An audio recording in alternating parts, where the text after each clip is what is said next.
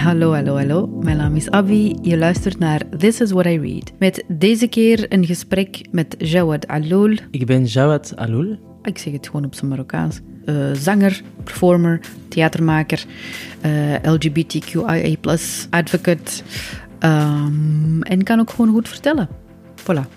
Oh ja, het boek Gewijde Nacht, The Sacred Night, La Nuit Sacrée van Tahar Benjeloun de 20-jarige Zahra wordt in de 27e nacht van de Ramadan, hoe toepasselijk deze maand, aan het sterfbed van haar vader geroepen. Hij heeft haar opgevoed als een zoon, want hij had al zoveel dochters en in Marokko erfenis, jongens, patriarchaat, you know.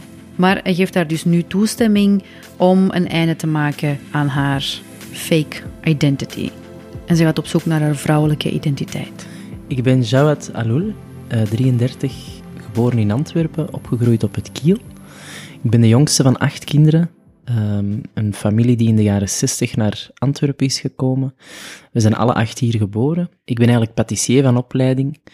Maar ik wist al eigenlijk als kind dat ik gewoon op het podium wilde staan. Onder welke vorm wist ik nog niet. Um, dus ik ben dan in mijn twintigers beginnen experimenteren met podiumkunsten. Eerst als drag queen. Uh, daarna als zanger en dan als acteur. En nu maak ik ook theater. Dus ik ben zo een beetje een uh, allround performer. Hoe kom je ertoe om uh, voor patissier te studeren? Ik kookte heel graag. Ik zat altijd met mijn moeder in de keuken. ons moeder was echt zo de, de kokkin van dienstzoek bij heel veel andere vrouwen.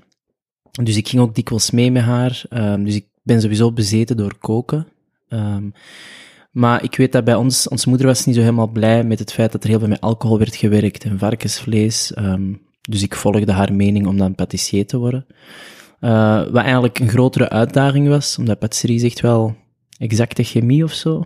Um, en achteraf heb ik toch nog in de, ben ik toch in de keuken beland, want ik ben dan van patissier eigenlijk toch naar de keuken doorgesluist. Dus, uh... Daarna ben je ook drag performer geworden? Ja. Hoe ben je uh... daar terechtgekomen, in die, in die line of work? Ja, ik ben ooit naar een, een show gaan zien um, en, en, er was een drag queen bezig en ik keek en ik dacht, ik kan dat veel beter. Cocky. Uh, sassy. But a little sass never killed nobody. Um, en ik ben daarmee begonnen. Um, en dat was echt een, een grotere uitdaging dan dat ik um, voor ogen had. Want het uh, dragmilieu in Antwerpen was heel wit. Um, en ik was daar ineens als uh, Marokkaanse drag uh, met heel losse heupen. en ook gezegend met, met beenderstructuur die heel wel makkelijk om te vormen is tot, tot iets heel vrouwelijk met de nodige make-up. Dus ik heb wel wat tegenwind gehad, maar dat heeft mij niet tegengehouden, omdat ik echt wel uh, er waren bepaalde clubs en bepaalde evenementen, um, zoals Studio 54 Sportpaleis, waar ik echt absoluut in wilde staan en dat is mij ook gelukt. Dus dat was echt een heel fijne reis, vooral ook naar ontdekking wat dat gender is en hoe dat ik daar mezelf volledig in kon laten botvieren. Je hebt daarnet gezegd dat je uit een gezin komt met acht kinderen. Vijf meisjes, drie jongens. Dus je bent ook echt opgegroeid met een heel aantal zussen. Ja, en ik ben ook echt opgevoed als een van de meisjes. Ja. Ja, omdat ik scheel 15, 17 jaar met mijn oudste broers. En dat was gewoon een andere generatie. Uh, en ik denk dat ouders ook leren van, van de opvoeding van hun kinderen. Dus ik moest echt gewoon mee de emmer vullen met water en dweilen en afwassen en koken. Ik bedoel, ik kon op mijn zevende al mijn eigen boterhammen spelen in eikens bakken. En mm ik was heel, uh, ja, zelfstandig opgevoed. Wat heel fijn was, want ik, zat altijd, ik zit graag tussen de vrouwen. Laten we, eens, laten we het even hebben over, over gender. Want voor mij gaat het boek ook over um, de plaats van vrouwen in, in de patriarchale maatschappij van Marokko. Um, nu, het boek gaat over Zahra, die eigenlijk tot haar twintigste is opgevoed als jongen. Dat had ook te maken met de erfenis van de vader, die al heel veel dochters had en nu een jongen nodig had om de erfenis ook aan door te geven. En op haar twintigste sterft de vader en hij zegt daar van oké, okay, uh, nu ben je vrij om eindelijk vrouw te zijn. Mm. Wat, wat betekent gender voor jou? Gender betekent alles voor mij. Um, omdat ik echt als kind een meisje wilde zijn. Mhm. Ik heb echt heel lang een fase gehad dat ik echt gewoon dacht ook een meisje te zijn. Mm als ik op straat liep over, met mijn moeder, eh, zeiden mensen ook, ah, Charlotte Benita Zouina. Dus die waren er echt van overtuigd dat ik een meisje was, omdat ik gewoon een heel androgeen gezicht heb. Mm. Mijn moeder was iemand die daar niet altijd op reageerde, omdat die dacht van, ja, ik ga niet die mensen verbeteren. Ja. Waardoor dat ik als kind echt dacht van, ah, oké, ja, ik ben een meisje, maar ik zie er niet uit als een meisje, want ja, er hangt van alles bij mij dat niet als een meisje is. En dat is pas echt heel laat ontwikkeld. Ik heb ook zelfs tot op negen jaar dat ik dacht dat ik mijn maandstonden ging krijgen. Ah ja. En dat mijn zus met mij is gaan zitten en echt heeft verteld van... Dat, allee, jij bent een jongen en jongens hebben dat niet. En, ehm, En hoe was dat dan, om, om dat te horen? Ik vond dat, dat was iets heel bizar van mij, omdat ik dacht, ik zat ook continu tussen mijn zussen, waardoor dat ik heel veel van hun gesprekken mee oppikte natuurlijk. Dus voor mij was dat iets heel raar, want ik dacht, ik, ik ben toch net hetzelfde als jullie. In mijn puberteit was het dan duidelijk dat dat, dat, dat niet het geval was of zo. En dan begon ik meer gevoelens voor jongens te krijgen, waardoor dat ik wist dat ik het een moest gaan beginnen nog meer onderdrukken, mijn vrouwelijkheid. Omdat het al van nature in mij zat om heel vrouwelijk te zijn. Dus door dat echt, ja, tien jaar te onderdrukken, heeft ook eigenlijk in mijn twintigers dan, dat is waarom dat die drag een soort eh, uitweg vond om gewoon te kunnen botvieren. Omdat ik gewoon eigenlijk een deel van mijn identiteit echt gewoon zo lang eigenlijk heb blijven onderdrukken. Had je het gevoel dat je dat moest onderdrukken, of wilde je dat zelf, omdat je dacht van, oké, oké, dit is dan mijn label en ik moet dan daarbij horen? Nee, van mijn eerste tot mijn vijfde leerjaar ben ik echt elke dag gepest geweest. En echt wel om gender. Ik heb echt elke dag te horen gekregen, zou het is een meisje, zou het is een meisje. Ehm, en dat was iets heel raar, want eigenlijk kwetste dat niet. Mhm. Ehm, want omdat ik zoiets had van, ja, mm, ja, oké. Ja, inderdaad. Ja, klopt. Maar, ja, dus ik had dat nog niet door dat dat eigenlijk een soort, ja, dat dat negatief bedoeld was. Het is pas echt doordat er continu in zat, dat er ook af en toe fysiek bij wijze van spreken pesterij bij hoorde, dat ik echt wist van, oei, ik, wie ik ben of hoe ik mij gedraag is niet conform met wat er rond mij gebeurt. En ja, dat zat in kleine dingen, van spelen met een pop tot, tot gewoon echt, ja, tekenen of schrijven, alles was al voldoende om te zeggen dat dat iets voor meisjes was. Omdat ik geen eh, jonge jongen was die een bal vastnam en, en ging in, in het zand vuil maken. Ik was gewoon heel gevoelig en op mezelf. En En herken je jezelf, of herken je elementen van, van je eigen leven in het verhaal van Zahra? Ehm, ja, ik denk vooral het, het doen alsof, omdat zij ook natuurlijk heeft moeten leven als een, een, een, een zoon, terwijl dat zij ja, een vrouw was. Dus nooit een dochter heeft kunnen zijn. En niet alleen naar haar vader, maar ook gewoon naar haar familie, naar de onkel ook bijvoorbeeld. Iedereen in die gemeenschap. Ehm, en dat was bij mij ook wel. Ik heb echt wel een heel, heel groot deel gelogen. Waardoor dat ik echt vanaf mijn twintigste zoiets had van, maar ja, deze, ik kan niet meer. Dus dat herken ik heel hard. Wat vond je van het moment dat ze dan ja, haar eigen leven begint te leiden? Eh, want ze heeft geen gelukkig leven gehad. Hè? Nee, absoluut niet. Ja, op hun duur begon ze te denken dat, dat ze echt voor het ongeluk geboren was. Ehm, en ik denk dat dat ook wel de auteur zijn, zijn idee daarachter was of zo. Het moment dat ze ontvoerd werd, werd het voor mij ook heel, ineens heel ehm, sprookjesachtig. Ja. Want er was opeens een andere wereld. Ehm, haar, haar, het is geen happy ending, zoals we eigenlijk wel zoveel verhalen kennen. Ik vond enkel het moment dat ze echt bij de consul wel, ja, wat is dat? Een beetje rust vond of zo? Absoluut. En hij ook bij haar. Mhm. Eh, dat waren voor mij wel de, de mooiste pagina's of zo. Ja, want wat daarna gebeurt is ook niet echt. Jezus Christus.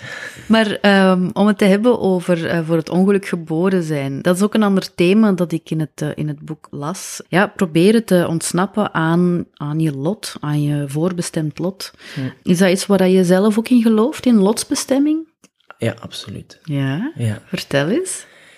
Ja, ik heb op mijn, op mijn zes jaar wist ik al dat ik aangetrokken was tot jongens. Ehm, en in mijn belevenis was daar niks fout aan of raar of niet natuurlijk. Dat was echt gewoon het meest natuurlijke dat in mij leefde. Even natuurlijk als mijn haar en mijn kleur van mijn ogen.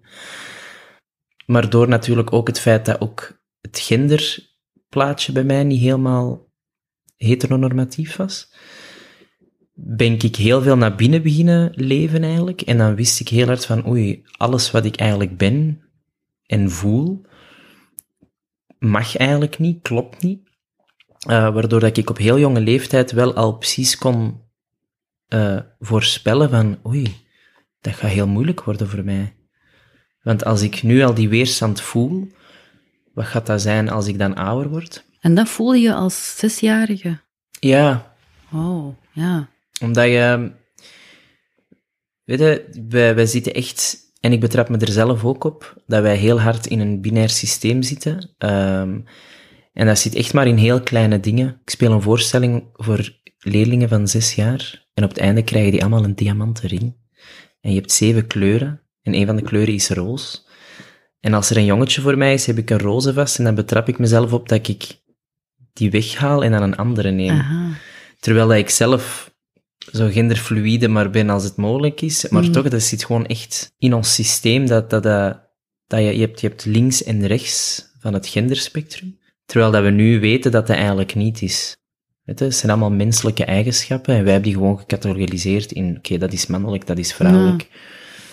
Uh, dus op die jonge leeftijd wist ik al van, oké, ik ga geen makkelijk lot tegemoet. Um, en dat is ook de reden waarom dat ik echt wel een heel braaf kind was. Ook een heel brave puber. Ik deed echt wat er gevraagd werd. Ik ging mee naar de moskee.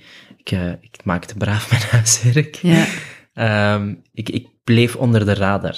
Omdat ik ergens wist dat ik dat op een bepaald punt niet meer ging doen. Oké, okay, dus je had zoiets van, oké, okay, er komt een bepaald moment in mijn leven, als ik ouder ben, en dan ga ik gewoon mijn eigen lot kiezen. Mm -hmm. Oké, okay, wat is jouw lot? Mijn lot is om mijzelf volledig te zijn. Dus ondanks dat mensen met bepaalde aspecten uh, enorm veel problemen hebben, dat is echt mijn lot. Mm -hmm. um, en eigenlijk is dat een heel gezegend lot. Hoe geef je vorm aan je, aan je eigen lot? In het begin was dat met heel veel um, zelfzekerheid en trots. Uh, om dan keihard met je gezicht tegen de muur te lopen. Omdat trots is iets heel apart. Zeker in, in gay community, pride and proud, and you have to be proud. Trots is heel belangrijk. Maar trots kan u echt ook in de weg staan, want mm. dat kan um, dikwijls u laten blijken dat je precies al sterker in je schoenen staat, door gewoon dat heel veel te affirmeren. Maar er komt een heel traject bij een coming out. Dat vergeten heel veel mensen. Zelfs mensen die LGBT zijn. Dikwijls is coming out is inderdaad de eerste stap. Wat al een hele grote stap is, want je zat al jaren met iets dat je eindelijk tegen de wereld kan vertellen. Maar dan begint heel die psychologische, voor mij vooral, uh, inwendig onderzoek van, oké, ik ben nu een homoman. Ah ja, en hoe gedragen homomannen zich? En dan bots je tegen zoveel zelf eigenlijk vooroordelen over jezelf. Mm -hmm. En dat heb je in het begin niet door of zo.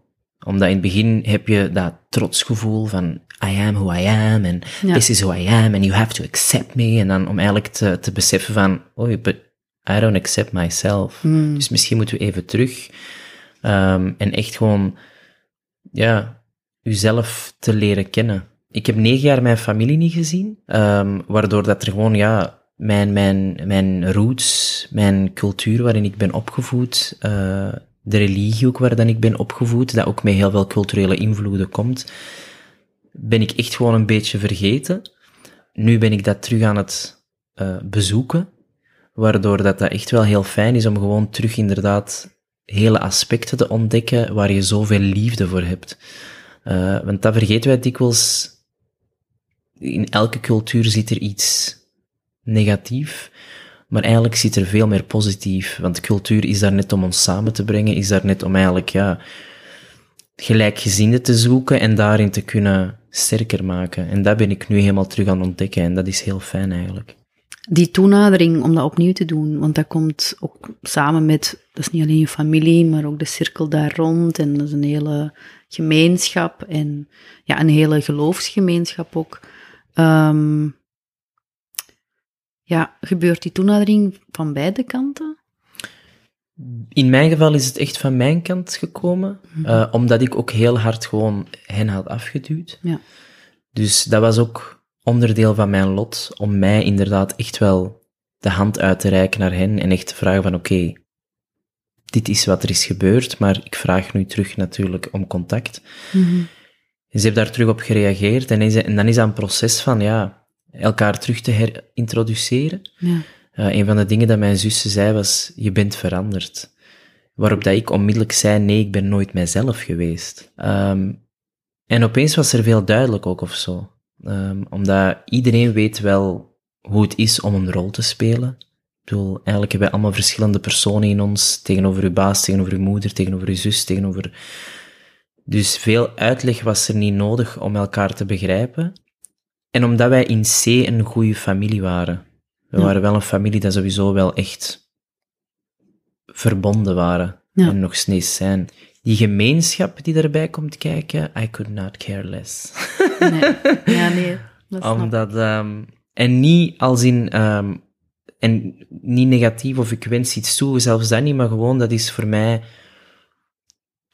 als mijn leven een, een, een, een boek is, dan, en er zijn verschillende scènes en er zijn verschillende personages in mijn boek, dan is voor mij de gemeenschap echt gewoon ehm, de randanimatie Mhm.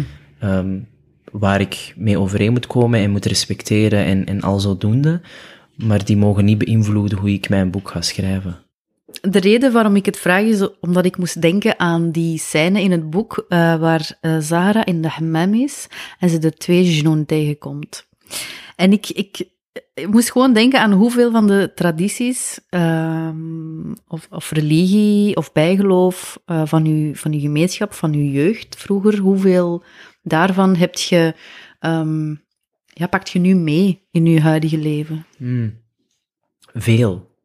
Allee, veel. Ehm, sowieso, ik ben culturele moslim. Omdat ik, ik bedoel, ik zal suikerfeest meevieren en ik zal offerfeest meevieren en ik zal ehm, vrienden en familie en kennissen ook berichten sturen als er een, een bepaalde gelegenheid is. Ehm, en er zijn heel veel spirituele aspecten dat ik van de islam heel mooi vind. Eh, vooral de verhalen.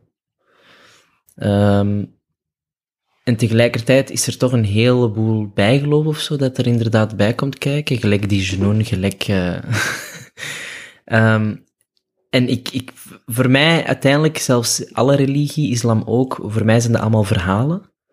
Ehm, en profeten zijn verhalenvertellers. En de ene is meer inspirerend dan de andere.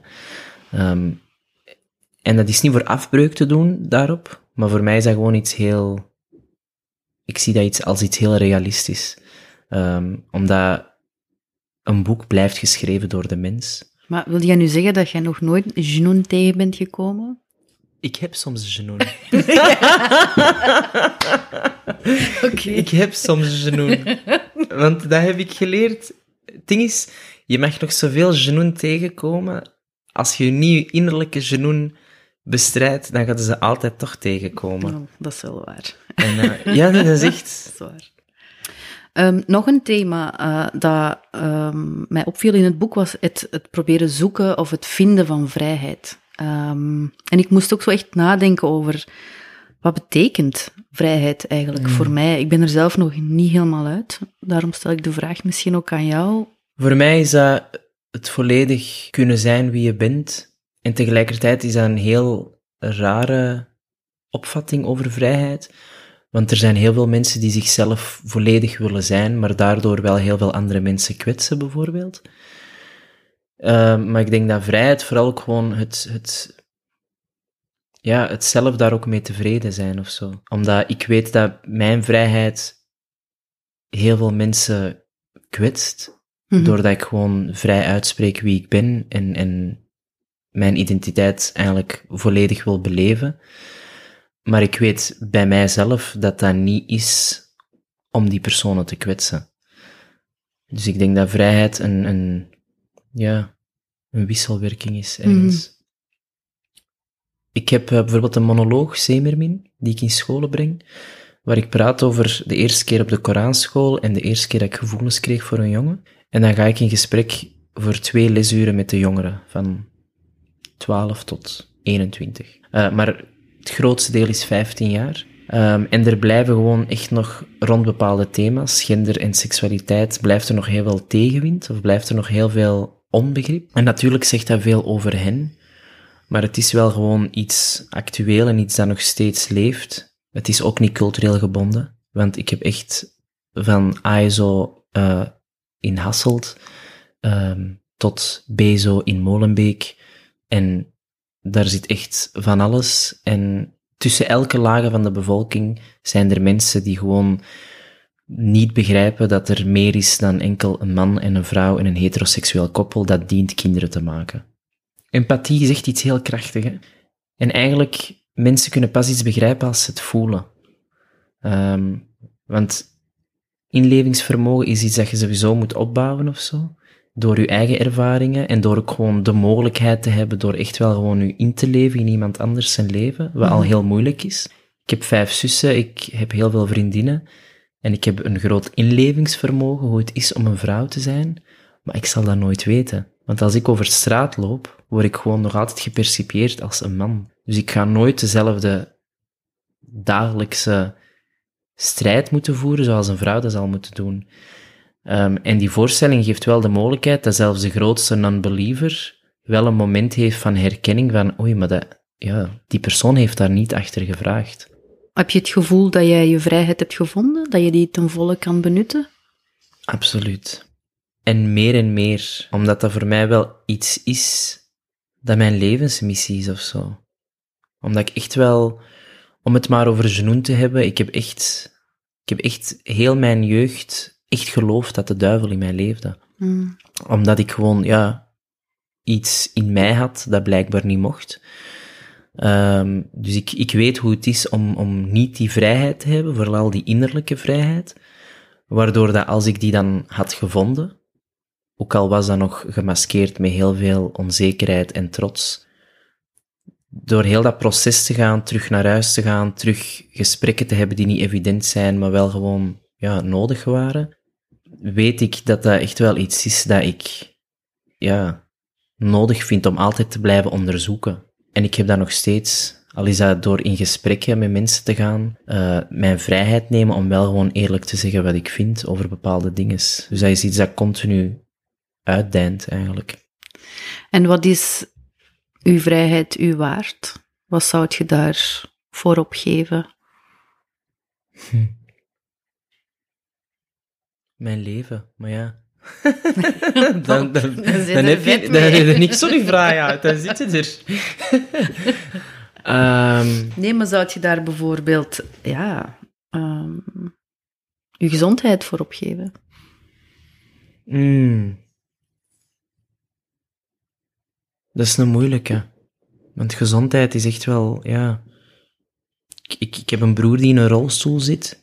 Dus ik weet gewoon echt uit zijn ervaring dat het echt gewoon het kostbaarste is dat er is. Dus zou je gezondheid opgeven? Ik weet dat niet. Want ik zie ook bij hem bijvoorbeeld hoe dat de maatschappij hem uh, bekijkt. Um, dat is ook weer het afnemen van vrijheid of zo. Ja, ik zei het in het begin al. Het boek gaat. Um, het is eigenlijk een tweede deel in een reeks van drie. En het eerste deel van het boek eindigt Um, op het moment dat Zahra uh, groeit dus op, we lezen over haar jeugd, en dan het eindigt op het moment dat een aantal verhalenvertellers ja, vertellen hoe ze haar uh, leven vanaf nu als vrouw zal leiden. En dan heb je zo verschillende versies van, um, van haar verhaal. En dus dit, Gewijde Nacht, begint op het moment dat net een verhalenverteller um, haar verhaal heeft verteld, verdwijnt. En zij neemt het dan over en zegt: Nee, nee, mannetjes. Zo is het gegaan en niet anders. Ik zal eens mijn eigen verhaal vertellen. Um, ben jij ook iemand die um, probeert jouw eigen verhaal te vertellen? Ja, absoluut. En terwijl dat ik dat doe, probeer ik ook het narratief te veranderen. Weet er is inderdaad gewoon geen grote stroom van LGBT uh, eh, POC, People of Color, dat is er gewoon niet. Um, dus buiten mijn eigen verhaal dat ik wil vertellen, wil ik ook gewoon echt het narratief veranderen dat, dat, dat wij er wel zijn en dat wij er wel mogen zijn. En, en dat is ook weer deel van die vrijheid bijvoorbeeld. Ik heb de vrijheid om dat te kunnen doen. Dus dan voel ik het bijna als een verplichting om dat te doen. Ja. Ehm, En waarom is dat zo belangrijk voor u? Omdat ik zelf heel verdrietig ben geweest. En omdat ik nog wekelijks jonge mensen via sociale media die mij contacteren, ehm, huilend, de weg kwijt, maar eigenlijk totaal niet de weg kwijt, maar Mhm. gewoon niet in gesprek kunnen gaan met hun familie over bepaalde onderwerpen. En dat is jammer, want dat is voor mij niet, dat lijkt mij niet de zin van het leven. Hm. Dat we die jongeren eigenlijk moeten ehm, links laten liggen en dat die maar moeten meedoen met ons en dat ze maar die zotte ideeën moeten maar achterwege laten. Mhm. Weet je, dat is niet iets waar dat wij achter hebben gevraagd. En dat is misschien iets dat niet makkelijk te begrijpen is. Daar kan ik volledig mee halverwege komen in, in, het, in de discussie. Maar het is wel iets dat voldoende is geweest of zo. We zijn nu 2019, Ça va wel, hè? we zijn er. En, Ja. en daar is ook niks mis mee, want wij zijn gewoon even mens als iemand anders, dus ook even kwetsbaar. En voelt je jezelf gesterkt om dat te doen? Want buiten dat je zelf kunst wilt maken, ehm, link je dat natuurlijk ook heel hard met die strijd. Is dat voor jezelf ook houdbaar? Ik hoorde net dat je mediteert en eh, ik weet ook dat je eh, Bikram yoga doet. Zijn dat dingen die u daarbij helpen, die u daarbij ja, sterk houden? Ja, absoluut. Ehm, en ook de kracht bij mij is omdat ik echt heel dat parcours heb doorgaan, terug naar huis gegaan.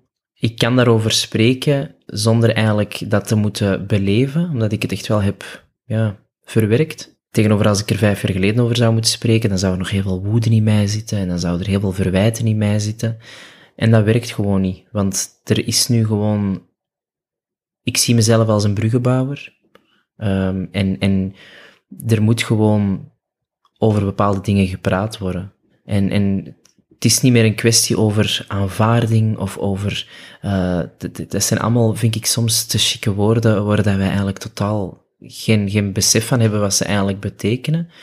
Maar in gesprek gaan, net als wij doen, dat zou je eigenlijk met iedereen moeten kunnen. Wil dat zeggen dat je achteraf een relatie gaat bouwen? Nee. Maar we moeten wel durven in gesprek gaan met mensen die echt wel, ja, niet als ons zijn.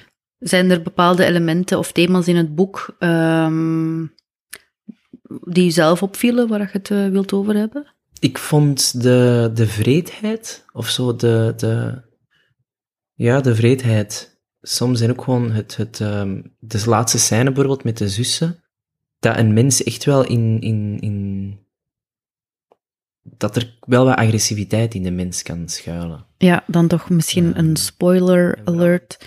Eh, op een bepaald moment komt Sahara in de gevangenis terecht. Daar krijgt ze bezoek van haar zussen, die het haar niet in dank afnemen dat ze hen heeft voorgelogen. Ehm, en ja, laten we zeggen dat ze haar verminken. Ehm, en vooral wat ik sterk vond, omdat ze dat daar wel ombuigden, dat ze eigenlijk het werk van God waren aan het doen. En toen ik dat las, had ik wel even zoiets van, "Oh, dat is eigenlijk jammer, want in mijn belevenis gaat God echt niet dat willen zeggen. Het is echt niet de message. Echt waar. If that is the message you are getting, You are far gone from the message. Een van de quotes van die imam in Parijs, dat is uh, Ludovic Mohammed Zahid, is diversiteit is de wil van God. En dat vind ik zo'n juiste of zo. Ook naar heel de man-vrouw verhouding.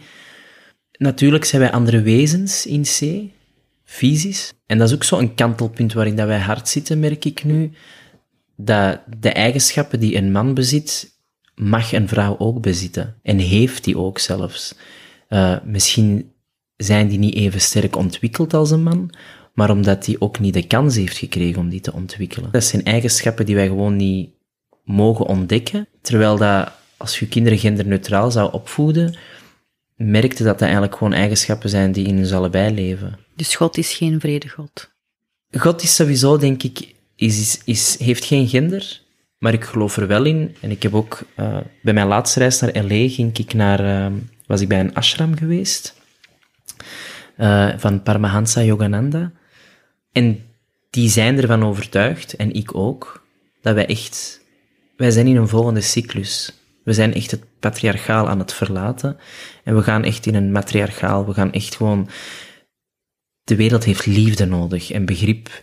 Maar tegelijkertijd, um, dat wil niet zeggen dat we daardoor alles met bloemen gaan besprenkelen, is ook dingen durven aanspreken.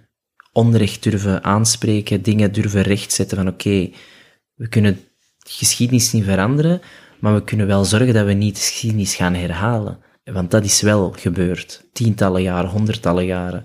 Um, en dat vind ik heel interessant aan hoe het Westen pretendeert geëvolueerd te zijn. Terwijl als je ziet naar, naar ja, spiritualiteit in het oosten bijvoorbeeld, die waren ver voor hun tijd. Die waren echt al met dingen bezig dat, dat ze hier pas op veel latere tijd eigenlijk zoiets van, ah, oké. Um, en dat is ergens bij mij ook deel van mijn lot. Ik vind dat er sinds 9-11 hangt er een sluier van terreur over de islam, terwijl de islam heeft, ik bedoel, het numeriek stelsel, wiskunde, um, kunst, literatuur, poëzie. Wij hebben zoveel mooi in de wereld gebracht, maar mm. eigenlijk zoveel mooi. Ik zou graag hebben dat je misschien een stukje voorleest om te eindigen. En dat is een stukje wanneer Zahra haar, haar lichaam voor het eerst echt hervindt. Ik was in een bos. De natuur was vredig. Zo eenvoudig was vrijheid. Een wandeling maken in de morgen en zich van zijn banden ontdoen zonder zich verder iets af te vragen. Vrijheid. Dat was die gelukkige eenzaamheid waarin het lichaam zich aan de wind, aan het licht en aan de zon overgaf. Dank u wel. Dank u. En dank je wel voor het gesprek. Jij bedankt, echt waar. Ik vond het heel fijn. Als je het nog niet hebt gedaan, abonneer je op This Is What I Read. Uh, je vindt ons op Spotify, Soundcloud en natuurlijk ook op Apple Podcasts. Bedankt voor het luisteren en tot volgende keer.